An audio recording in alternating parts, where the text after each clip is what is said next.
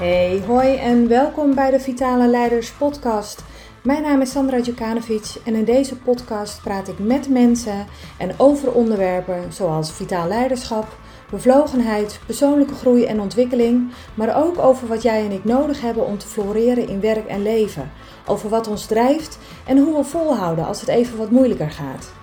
Ik deel mijn eigen ervaringen, maar ga ook in gesprek met gasten en ik hoop je te inspireren om vanuit vertrouwen en plezier je leven, je bedrijf en je team te leiden. Ik wens je heel veel luisterplezier.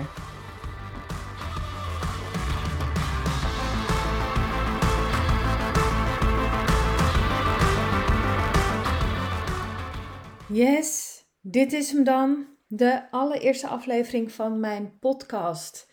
Het heeft even geduurd, maar dan heb je ook wat. Ehm, ik wil je graag vertellen hoe deze podcast tot stand is gekomen, wat mijn verhaal is en wat mijn missie en mijn uh, visie is.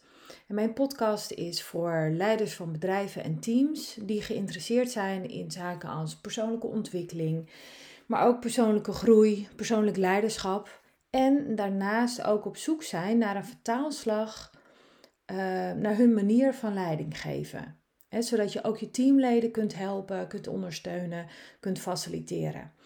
Ik ga je meenemen in wat vitaal leiderschap is, maar ik ga je eerst meenemen naar het allereerste begin, daar waar het allemaal begon. Um, en dan moeten we eigenlijk terug naar het jaar uh, eh, 1977. Toen werd ik geboren. En vlak na mijn geboorte Ehm, keek ik eigenlijk al met grote open ogen nieuwsgierig de wereld in. En eh, ik weet nog dat mijn moeder zei dat de vroedvrouw, zo heette dat toen nog, dat heel bijzonder vond. Nou, voor mij is dit misschien typerend en misschien ook wel een soort van leidend in mijn leven.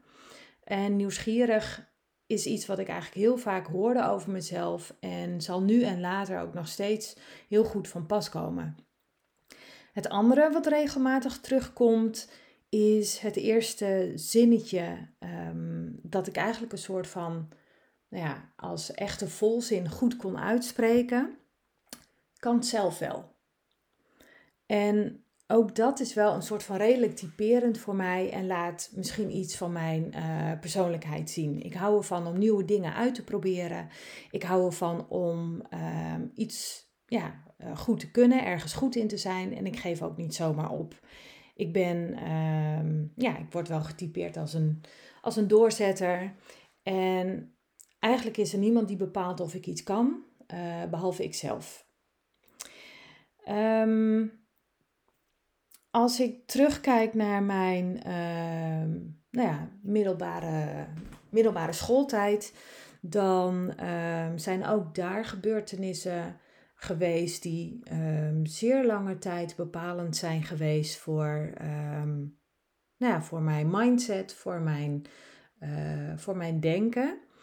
Um, en niet altijd in, uh, in positieve zin eigenlijk. ik heb vanaf de vierde klas eigenlijk, vier VWO, redelijk op mijn tenen moeten lopen om het, om het te halen. En in de vijfde klas ging dat ook niet goed. Ben ik blijven zitten. En nou ja, het, het jaar daarop ging het natuurlijk wel over, maar in de zesde uh, zakte ik en ook mijn um, uh, herkansingsexamen toen heb ik ook niet gehaald.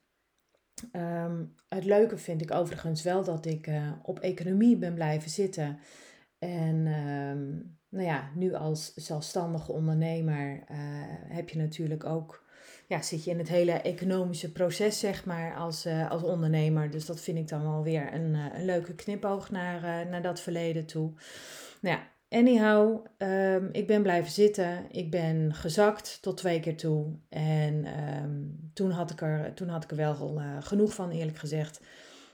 ben via het volwassen onderwijs ehm, mijn middelbare schooldiploma gaan halen en ben naar het maatschappelijk werk en dienstverlening HBO-opleiding in Utrecht gegaan. Dat is even in, het, uh, in, in vogelvlucht. Um, super toffe opleiding voor mij. Ik zat daar helemaal op mijn plek. Studenten en uh, vroeger op de middelbare school ook al wisten mij heel makkelijk te vinden voor een luisterend oor, om hun ei kwijt te kunnen, om te sparren.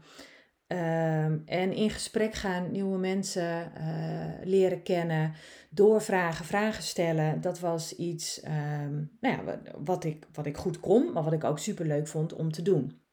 Dus die opleiding die was wat dat betreft echt op mijn lijf geschreven. Tot het moment dat ik ehm, het derde jaar uh, stage ging lopen en te maken kreeg met een stagebegeleider die het sowieso voor het eerst deed. Um, maar ook heel, heel erg mijn zelfvertrouwen heeft in, ondermijnd in de tijd. Um, zij heeft eigenlijk als het ware een soort van ja, kloon, leek het wel, van haarzelf uh, proberen te maken, van mij. En ik kreeg te maken met uitspraken en, en situaties als, nou Sandra, ga maar, hè, ga maar doen. Stap die, uh, die wijde wereld van gesprekken voeren en hulpverlening maar in. En ik mocht mijn gang gaan. En na die tijd um, had ik een evaluatiegesprek met haar en kreeg ik de vraag dan um, um, terug, of kreeg ik teruggekoppeld van, ja, waarom heb je dat zo aangepakt en heb je niet met mij overlegd?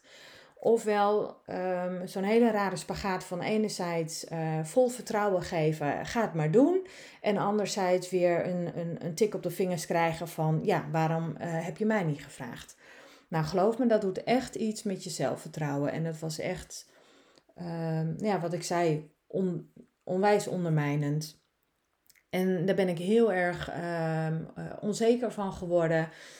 Tot zo erg op, op het punt um, dat ik mijn uh, hele plezier in de opleiding verloor. Um, dat het niet meer goed ging.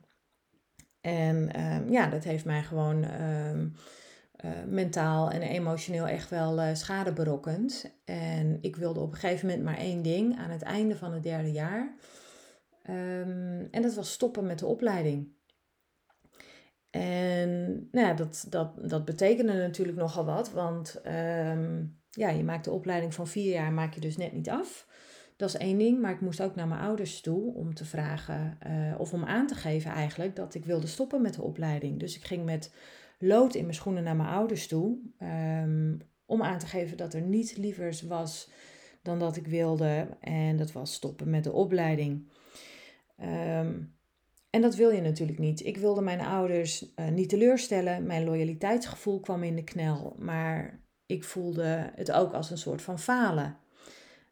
Um, ik was niet goed genoeg. En dat gevoel heb ik natuurlijk in uh, de laatste jaren van mijn middelbare schooltijd ook al heel sterk gehad. Ik ben blijven zitten, niet goed genoeg. Um, uh, ik had gefaald.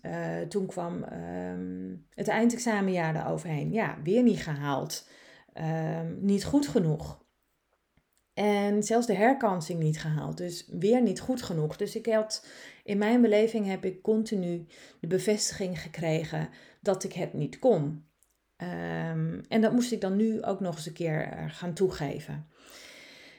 Um, ja, en nu in mijn, in mijn dagelijks werk kom ik heel veel leiders tegen die hier ook tegenaan lopen.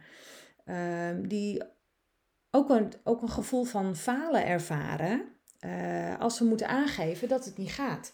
Dat het werk hen boven het hoofd groeit of dat ze niet lekker op hun plek zitten. En toen wist ik natuurlijk niet dat het juist een van de krachtigste dingen is die je kunt doen. Um, en dat is aangeven dat het niet zo goed met je gaat. Of aangeven dat je, ehm, ja, dat je het niet redt. Dat is, dat is geen gevoel van falen. Dat is echt uh, onwijs krachtig. Ja, dat weet ik nu wel. Um, maar toen de tijd voor mijzelf uh, gold dat natuurlijk ook wel al. Maar ik voelde het zelf nog niet zo maar goed, niets menselijk, uh, menselijks is mij vreemd. Dus ja, ik, ik had ook last van, van schuldgevoel en gevoel van falen. En mijn ouders die reageerden zoals misschien iedere student zich uh, wel kan wensen. En ik ben in de tijd inderdaad gestopt met de opleiding. Heb een maand in zak en as gezeten en gehuild en gedacht van, oh jee, wat moet ik dan nu gaan doen? Um, ben terug gaan denken aan uh, wat ik als kind ook leuk vond, wat ik leuk vond om te doen. En daar kwam uh, ja, doktertje spelen uh, uit. En nou ja, uiteraard kon ik natuurlijk geen, uh, geen geneeskunde gaan, uh, gaan studeren. Maar ik ben de opleiding tot doktersassistent gaan doen. En heb meer dan vier jaar met heel veel plezier op een grote huisartsenpraktijk in Utrecht gewerkt. Um, dus dat is allemaal goed gekomen. En wat ik hier ook mee wil onderstrepen is hoe belangrijk het is dat je iets doet waar jij van uh, nature goed in bent, wat je leuk vindt om te doen. Omdat alles wat daar uh, buiten valt, wat niet aan die voorwaarden voldoet, um, een heel ja, groot risico eigenlijk is om, om jezelf um, ja, eigenlijk, eigenlijk onderuit te halen. Om ervoor te zorgen dat jij volkomen uh, op de verkeerde plek zit en niet kunt doen wat je, ja, waar, waar je goed in bent. En um, ergens goed in zijn en, en, en dingen goed kunnen is ook een van de um, natuurlijke, menselijke, psychologische basisbehoeften. Um, dat is een term die gaat vaker uh, terugkomen, omdat dat ook um, ja, een, van, een van de dingen is uh, waar vitaal leiderschap ook over gaat. Psychologische basisbehoeften. Even in het kort zijn dat autonomie, binding en competentie. Dan heb je een heel leuk ABC'tje. Um, niet per se in die volgorde, uh, eerder niet dan wel trouwens. Maar het gaat erom dat, je, dat we allemaal eigenlijk de natuurlijke behoefte hebben om tot een groep te willen behoren. Uh, maar vervolgens ook die groep um, ja, eh, van dienst te kunnen zijn. Dat we daar iets voor kunnen doen, dat we een, een bijdrage kunnen leveren. Om dat te kunnen doen, hebben we veiligheid nodig. En um, autonomie gaat dan ook over de veiligheid om bijvoorbeeld jezelf te kunnen zijn. Nou, dat is heel even in het kort. Gaat in een andere podcast gaat dat, uh, gaat dat zeker terugkomen. Ga ik hier langer op door. Um, ja, dus de, de, de artsen waar ik toen bij uh, in dienst kwam, um, die hebben mij het vertrouwen ook heel erg teruggegeven. Want ik mocht op de helft van mijn opleiding in de tijd uh, al bij hen komen werken. Dus ik had de opleiding nog helemaal niet klaar. En uh, zij hebben mij uh, nou, het vertrouwen gegeven om, uh, om de combinatie tussen leren en werken te maken. En ik vond mijn zelfvertrouwen terug. Mede doordat zij ook hun vertrouwen in mij lieten zien. Nou, door de jaren heen, allerlei verschillende omstandigheden en, en gebeurtenissen, heeft mij in de tijd besloten, doen besluiten dat ik um, um, daar ontslag ging nemen, dat ik um, ergens anders aan het werk ging. toen ben ik uit de zorg gestapt en in het bedrijfsleven uh, terechtgekomen. Wel nog in de sociaal-medische hoek. En via verschillende doorgroeimogelijkheden ben ik toen op de HR-afdeling gekomen van een bedrijf. En dat lag mij goed. Lag ook dicht in de buurt van uh, nou ja, wat ik in de tijd bij maatschappelijk werk en dienstverlening deed. Um, personeelszaken is ook iets wat in, in diezelfde opleidingscategorie, zeg maar, uh, uh, hoorde. Dus dat sloot eigenlijk heel goed aan. Ging al veel meer over, uh, veel meer over mensen, over ontwikkelen, kijken naar wat ze nodig hebben. Op verschillende niveaus gesprekken voeren. Ik ging me bezighouden met, met verzuim, met werving en selectie. Um, en bij een ander bedrijf kreeg ik veel meer ook zo'n rol als, uh, als bruggenbouwer.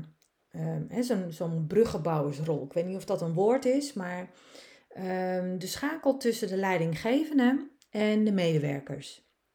En als er iets was wat mij opviel, dan was het wel dat er heel erg veel over elkaar werd gesproken en verrassend veel, uh, of verrassend veel weinig uh, met elkaar werd gesproken. Er werd dus heel erg over elkaar gesproken in plaats van met elkaar gesproken. Uh, maar men praatte wel met mij. En dus ik legde mijn oor te luisteren en leerde zoveel en kwam zoveel te weten. En ook jaren later, door weer uh, het volgen van, van verschillende opleidingen en dergelijke, um, over het strategisch vitaliteitsmanagement, ja, toen kwam ik er ook achter uh, wat er niet goed ging op gebied van juist weer die psychologische basisbehoeften. En vooral ook psychologische veiligheid. Ik zag het gebeuren waar medewerkers eigenlijk op, um, ja, op leeg liepen. Ze voelden zich een nummer. Mensen gingen weg bij het bedrijf en dat was eigenlijk nooit vanwege het salaris. Natuurlijk was het mooi meegenomen dat ze ook meer gingen verdienen, maar het was niet de hoofdreden. Ik deed um, de exitgesprekken. Hè, dus de medewerker die heeft zijn ontslag uh, ingediend. En nou, dan heb je nog zo'n laatste gesprek, evaluatiegesprek. Die deed ik. Dat ging nooit met de leidinggevende, omdat ze in alle uh, openheid en veiligheid en vertrouwen um, ja, zich moeten kunnen uiten, hun verhaal te kunnen doen. En dat was, ja, iedere keer wat ik daar in die gesprekken hoorde, was dat ze zich um, een nummer voelden. En dat ze zich niet gehoord en, en vooral ook niet gewaardeerd voelden. Um, en dan was bij het management, bij het leiderschap, te weinig kennis en te weinig ervaring op gebied van um, hoe je moet motiveren. Hoe je als leider een inspiratie bent voor de mensen om je heen. Medewerkers kiezen ervoor om je te volgen. En de medewerkers daar maakten overduidelijk een andere keus. Ja, je, je, je creëert volgers in die zin als jij als, als leider een inspiratie voor ze kunt zijn. Nou ja, om een inspiratie te kunnen zijn voor iemand moet je donders goed weten wie je bent, waar je voor staat en dat vervolgens dan ook um, kunnen doorvertalen naar jouw manier van leiding geven. Dat moet, moet ook terugkomen in, in je handelen. En iedereen heeft een bepaalde mate van energie nodig om, om s ochtends naar zijn werk te gaan, om op te stappen en te denken van, hè, yes, ik mag weer. Ik, vind het, ik, ik, heb, ik heb zin om naar mijn werk te gaan. Maar je wilt aan het einde van de dag, wil je natuurlijk ook nog energie overhouden om die leuke dingen te doen. Om met je vrienden af te spreken of, of misschien om te gaan sporten. Ehm, maar je hebt ook motivatie nodig om in, in, in beweging te komen als er ehm, binnen de organisatie of binnen je team veranderingen doorgevoerd moeten worden, dan herkennen we allemaal de uitspraak: um, iedereen wil verandering, maar niemand wil veranderen. Um, hoe ga je je mensen meekrijgen? Daar heb je een bepaalde mate van motivatie voor nodig. Kun je mensen zover krijgen, op zo'n manier motiveren, dat ze in beweging komen, dat ze ander gedrag gaan vertonen, want dat is wat nodig is. Um, want op je werk is het ook heus niet altijd leuk. Zelfs mijn werk niet. Ik heb hier heel bewust voor gekozen, maar ook in mijn werk, in het, in het zelfstandig ondernemerschap, zitten ook gewoon dingen die minder leuk zijn. En toch moet ik ze, moet ik ze doen. Daar heb je ook motivatie voor nodig. En dat geldt voor mij, dat geldt voor jou, maar dat geldt ook voor je teamleden. En er zullen um, tegenslagen komen. Dus je hebt ook een, een dosis veerkracht nodig. En die tegenslag, ja, daar kun je niks aan doen. Maar hoe weerbaar je er tegen bent en hoe je weer veerkrachtig opstaat, daar kun je wel uh, over leren. Je kunt daar beter in worden. Jij als leider, maar ook uh, jouw manier van leiding geven maakt alle verschil van de wereld voor jouw teamleden. Zodat zij ook weer uh, veerkrachtig bepaalde tegenslagen aan kunnen. Nou, en vitaal leiderschap is dus die combinatie van persoonlijk leiderschap met daarbij ook een vertaalslag naar je manier van leiding geven. En je let hierbij dus ook op de bevrediging van die psychologische basisbehoeften van jezelf. Dus jouw behoeftes moeten bevredigd worden. Um, en vervolgens via die vertaalslag naar je manier van leiderschap, dus echt inbedden eigenlijk in jouw leiderschap, ehm, breng je dat ook naar jouw team toe. zodat ook zij vol energie en motivatie en veerkracht aan het werk zijn. En zo maak je verschil met je leiderschap en ben je ook van betekenis voor anderen.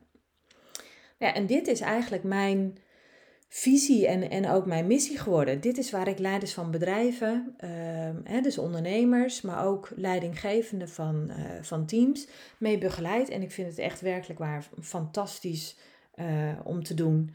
Door het juist aan te pakken bij het leiderschap ontstaat er eigenlijk een soort van ja, ripple effect door de rest van de hele organisatie heen. Waarmee jij dus die positieve golf bent die door dat bedrijf heen vloeit.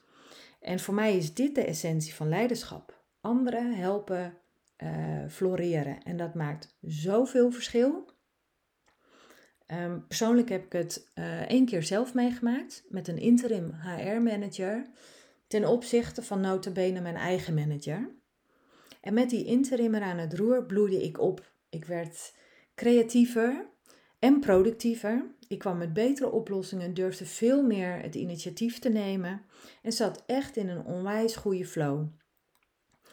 En het is een beetje verdrietig om te zeggen, maar toen mijn eigen manager weer terugkwam, um, vloeide die flow eigenlijk weer weg.